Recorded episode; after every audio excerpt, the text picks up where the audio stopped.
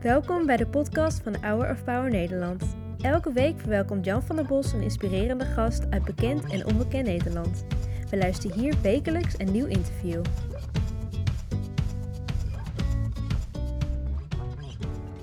En dat was Joshua en hij zong Waymaker, een zeer bekende gospel over Jezus die de vredevorst is. Christendom en christenlijk. Ik uh, ben in mijn leven lang uh, wel eens uh, beslingerd met dit soort uitspraken. Maar hier zitten twee jongelui van christendom. Jullie hebben dat opgericht, christendom. Waarom? Ik begin met jou. Ja, eigenlijk meerdere redenen.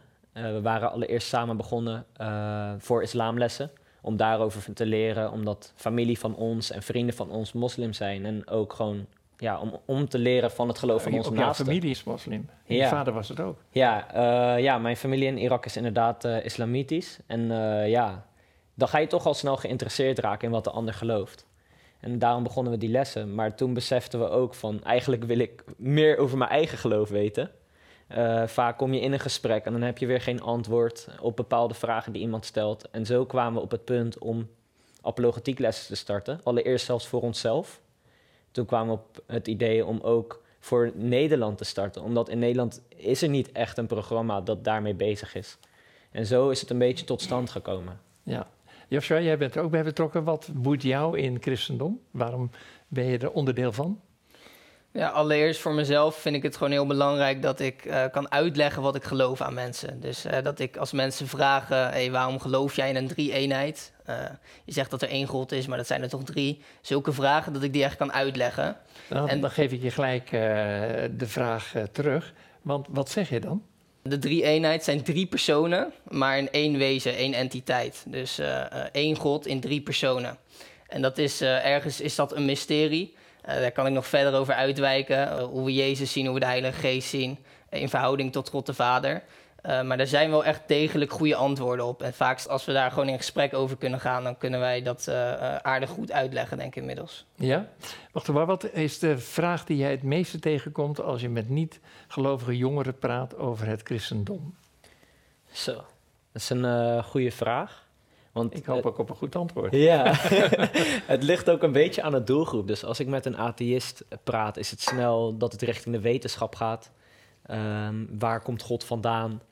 Uh, je kan toch niet geloven dat er iemand is die uh, boven alle touwtjes trekt. Dat willen wij mensen gewoon verzinnen. Um, daarnaast, als je met een moslim praat, is het vaak de drie-eenheid. Uh, of ja, de genadegave van Jezus aan het kruis. Dat, daar snappen ze niks van natuurlijk. Jij snapt het wel? Feitelijk gezien misschien, maar... Uh, het is een wonder, hè? Ja, dat, Godse liefde, niemand komt, komt zo hoog, denk ik, uh, nee. om dat perfect te kunnen begrijpen. Jullie zijn alle twee 20 jaar, uh, met een hele groep. Maken jullie hele interessante video's. Apologetisch, jij noemde het al. Wat is dat, apologetisch? Ja, apologetiek in een kort woord is geloofsverdediging. En geloofsverdediging is eigenlijk, uh, het zit er ook het, het, woord apologia zit erin en dat betekent uh, uh, dat je het, het uit kan leggen, het kan verdedigen wat je gelooft. Ja, want moet je het christelijk geloof verdedigen? Is dat nodig? Ik geloof van wel, ja. En waarom? In onze samenleving, in onze cultuur zijn er enorm veel aanvallen. Ik denk al vanaf dat je op de basisschool zit op wat wij geloven. de wetenschap zou tegen het christendom ingaan. Uh, ik kan nog veel meer dingen noemen die we van kinds af aan al meekrijgen, die tegen het christendom ingaan. En daarom is het dus zaak dat we het gaan verdedigen. Dat zien we Paulus ook doen in handelingen. Ja. En uh, dat zouden wij ook uh, allemaal als christenen echt moeten doen. Ja. Is dat een eretitel, verdediger des geloofs? Ja, ik denk het wel. Omdat er staat, het is natuurlijk niet alleen de argumenten van mensen, maar ook wat in Efeze 6 staat over de wapenrusting. Ja. Er zijn ook veel aanvallen van het kwaad. Uh, daarbij kan je ook de leugens een aanval van de kwaad noemen. En daarvoor moet je ook eh, de waarheid en de gerechtigheid aan hebben als wapenrusting. Omdat je gewoon klaar moet staan om een antwoord te hebben. Niet per se om een discussie te winnen. Van mezelf zou ik niet graag een discussie willen verliezen. Maar ik kan een discussie verliezen, maar toch een, een leven winnen in Jezus' naam natuurlijk. En uh, dat is natuurlijk heel belangrijk. Jullie zijn beide erg jong, uh, we staan aan het begin van jullie carrière. Je bent business developer bij uh, Donkey Mobile, een kerkelijke app. En jij uh, zit nog op de sportacademie. Waarom maken jullie hier zo druk om? Want jullie maken de ene video na de andere. Ze zijn fascinerend, maar daar gaat toch ook heel veel tijd in zitten? Als ik kijk naar mijn persoonlijke leven, toen heb ik een zoektocht gehad toen ik 17, 18 was naar echt naar waarheid. Van hé, hey, wat is nou waar? Is het nou het atheïsme of is het nou het christendom? En dan ga je op zoek, ook op het internet. Dat zijn wij gewend, dat je gewoon je vragen googelt. Ja. En dan is er in het Nederlands is gewoon vrij weinig beschikbaar qua echt goede antwoorden. Gewoon goede stevige antwoorden die logisch zijn onderbouwd, maar ook gewoon goed begrijpbaar. Want ik wil niet allemaal zulke dikke boeken lezen voor elke vraag die ik heb. En dat is echt onze missie. Dus dat we, wij doen dat onderzoek en we willen in duidelijke, logische video's dat naar buiten brengen. Zodat jongens zoals ik of uh, vrouwen zoals ik, als ze echt willen weten wat is waarheid, dat ze daar terecht kunnen. Ja. Want uh, atheïsme, dat is het geloof dat er niets is, hè, dat er geen God is, dat je, je baas over je eigen leven bent, er is geen schepper. Mhm. hoe kwam jij tot de overtuiging in je keuze tussen atheïst en christen worden om voor christen te kiezen? Ik denk het atheïsme trok me allereerst zo erg omdat het je, je vleeselijke verlangens, hè, wat jij al zegt, uh, het, draait heel erg om jezelf. Uh, uh, je bent jezelf in controle. dat trok mij natuurlijk. dus daarom vond ik het een aantrekkelijke visie. Maar als je het goed gaat onderzoeken en je gaat de vragen stellen van hé, hey, maar eigenlijk zegt het atheïsme dat iets uit niets is ontstaan. De aarde, alles wat we hier om ons heen waarnemen, die mooie struiken achter ons bijvoorbeeld, die komen dan allemaal uit het niets. En dat, dat is niet logisch in, in een zin. Nee, zeker. God is de schepper van hemel en aarde. Wat je hebt een studie gemaakt van de islam. Met uh, de video's probeer je ook uh, jonge moslims te bereiken. Om te zeggen van, dit is wat het christendom te bieden is. Wat is jouw verlangen daarbij? Mijn verlangen is dat, ja, dat het moslims op een zoektocht gaat brengen naar de waarheid. Dat ze niet vastzitten in hun eigen gedachten uh, maar dat ze echt open-minded gaan kijken, net als dat wij open-minded hebben gekeken naar de wereld. En dat ze uiteindelijk Godse liefde mogen begrijpen uh, en ja, mogen aannemen in hun leven. Dat is het grootste doel natuurlijk. Ja, zit er niet een stukje arrogantie in van wij zijn beter dan de anderen? Nee, wij mensen niet, nee. Maar uh, God wel. Oké. Ja. We gaan uh, kijken naar uh, een van jullie uh, video's. Jullie hebben er bijna 60 gemaakt inmiddels. En dat is getiteld God in de wetenschap. En dan maken jullie plaats voor twee uh, andere christendomvrienden. Dankjewel. Yes, bedankt. U bedankt. Religie. De oplossing voor mensen die de wetenschap niet begrijpen. Het zijn de simpele zielen die de schoonheid ervan niet waarderen. En al helemaal niet de kennis en vooruitgang die het met zich meebrengt.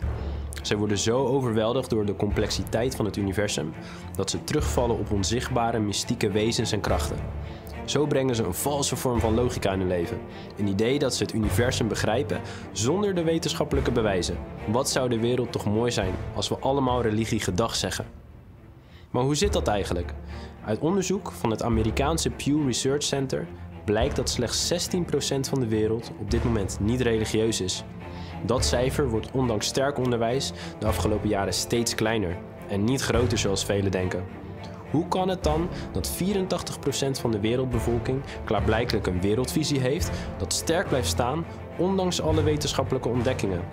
In een tijd waarin de wetenschap ons alles lijkt te hebben gegeven, van computers in je broekzak tot ruimtereizen, waarom blijft religie dan nog steeds relevant voor zoveel mensen?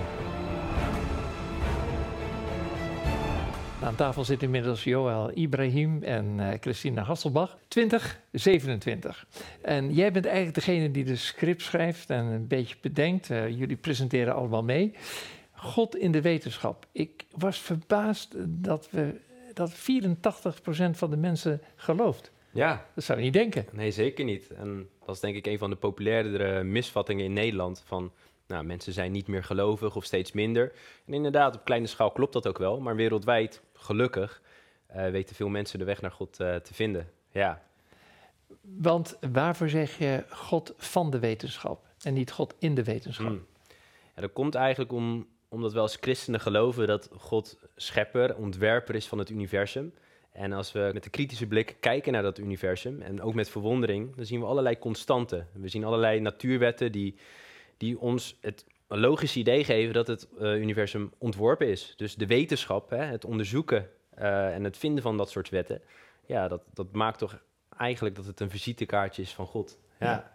Je hebt er diep over nagedacht, hè? Ja, zeker. Want wat is voor jou de essentie van christendom?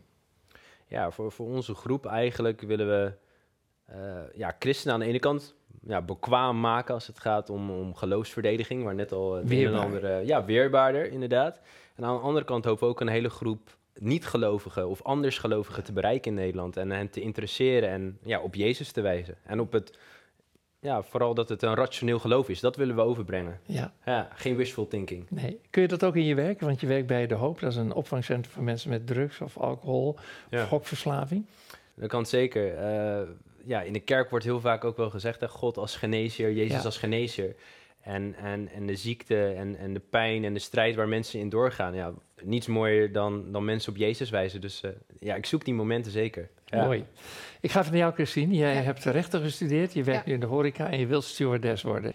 Ik las over jou dat je zei, ik heb, eh, toen ik eh, tiener was, heb ik lange tijd ge- geworsteld met, wat geloof ik eigenlijk, waar, waar hoor ik bij? Waarom die worsteling? Ehm, ik ben katholiek opgevoed met heel veel bijgeloof. Dus ik had niet een juist beeld van God. En ehm, dat gaf me het idee dat ik niet moest geloven, want ik begreep het gewoon niet. En daardoor was ik echt bezig met andere dingen. Maar toen kwam ik op een christelijke middelbare school. En eh, ja, daar kwam ik in contact met christenen.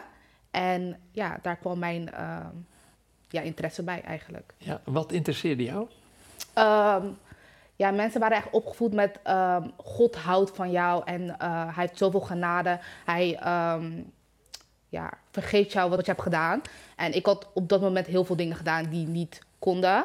En ik was ook opgevoed van dat God niet per se van jou houdt. Het was best wel afstandelijk ook. Dus ehm, dat was een heel ander beeld voor mij. Nu heb je die, de God ontdekt die dichtbij staat, die de, Ja. va- de vader in je leven wil zijn. Ja.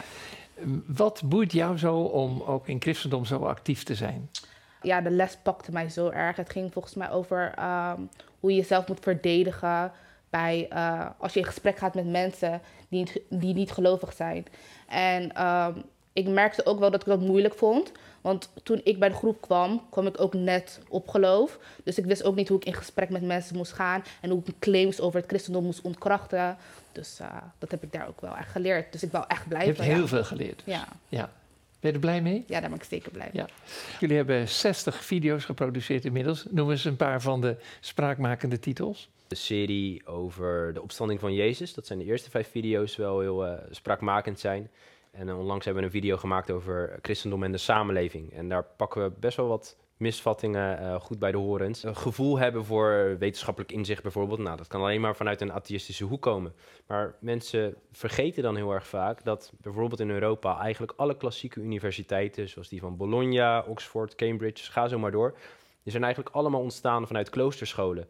Dus het is eigenlijk de christelijke eh, traditie eh, die ervoor heeft gezorgd dat wetenschap opbloeide hier eh, eh, in, eh, in Europa. Dus dat is eigenlijk best wel een bijzondere misvatting en die mensen aan het denken eh, Ja. kan zetten. Dat vind ik leuk dat Het, jonge mensen echt, we staan ervoor en we gaan ervoor. Zeker. Want hoe groot is jullie groep?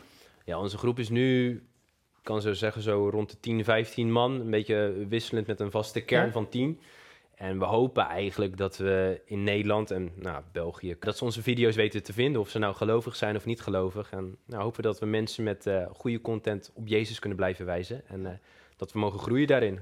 Ja, Waarom is dat zo belangrijk, mensen op Jezus wijzen? ja in de eerste Want heel veel mensen zijn gelukkig zonder hem. Ja, zeker. Ja, ik heb hem helemaal niet nodig. Gaat prima. En ik, ik geloof persoonlijk dat dat een tijdelijk geluk is. En dat dat een geluk is dat op een dag zal stoppen. En hoeveel mooier is het om, om Jezus te leren kennen. Te beseffen dat je een kind van God bent. Dat hij je, je, je fouten wegwist. Er niet meer aan wil denken. En dat je dan tot eeuwigheid eh, en in eeuwigheid eh, gelukkig zal blijven. Nou, dat is Ja. toch nog veel mooier. Ja. Ja. Ik ga afsluiten met de moeilijkste vraag die ik altijd te verwerken krijg in mijn lange leven. Ik ga hem aan jou stellen. Hmm. Als God liefde is en als God bestaat en als er een God is, waarom is het dan zo'n ellendige toestand in de wereld? Waarom is er oorlog? Waarom is er lijden? Waarom is er verdriet? Waarom is er hongersnood? Ja, dat is een diepe vraag waar je niet te snel alleen een rationeel antwoord op kan geven. Maar dat zal ik voor nu zal ik dat, eh, proberen te doen.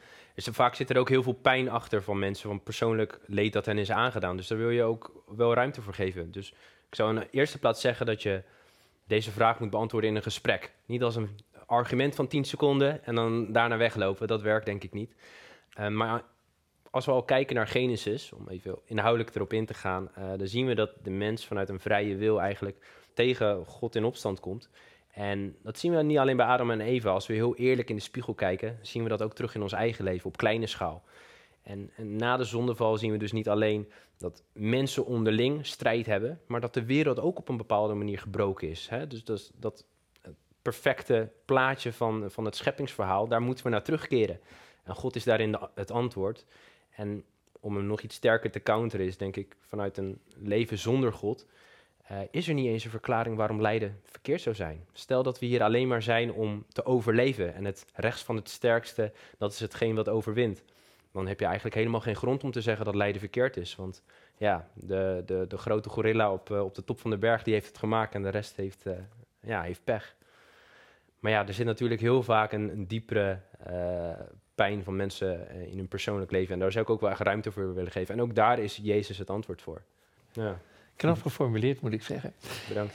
Ongelooflijk fijn dat jullie hier waren. Ik heb met uh, veel genoegen naar een aantal van jullie video's gekeken. Ik was echt trots op, op de manier waarop jullie het met beperkte middelen, want jullie doen het allemaal als een vriendenclubje, dit in elkaar zetten en met uh, groot enthousiasme het christendom verdedigen. Top. Zo. Ja, bedankt. Ja. Heel erg bedankt. Leuk dat jullie er waren. Ik, Christine, ik leg ze even op de tafel. Jij mag als eerste kiezen. Ja. Dames gaan voor, zeggen we dan. Oh, deze, deze geef ik alvast aan gemaakt? jou. Kijk. Ja, ik wil... Uh, Jij wil deze. De Heer zegenen en behoeden je. De Heer doet zijn aangezicht over verlichten. En dat ben je genadig. Mooie tekst is dat. Nou, dat wens ik je van harte toe. Dan zijn deze twee voor jullie uh, vrienden, als jullie Top. zo vriendelijk willen zijn, die uh, te overhandigen. Ja. Mooi hè, zo'n sterke leeuw. Geloof, Zeker. hoop en liefde, dat willen jullie doorgeven. Gaan we meedoen. Top. Fijn dat jullie er waren. Bedankt voor het luisteren naar het interview van deze week. We hopen dat dit verhaal jou heeft bemoedigd. Wil je meer weten over Hour of Power of andere interviews bekijken? Ga dan naar www.hourofpower.nl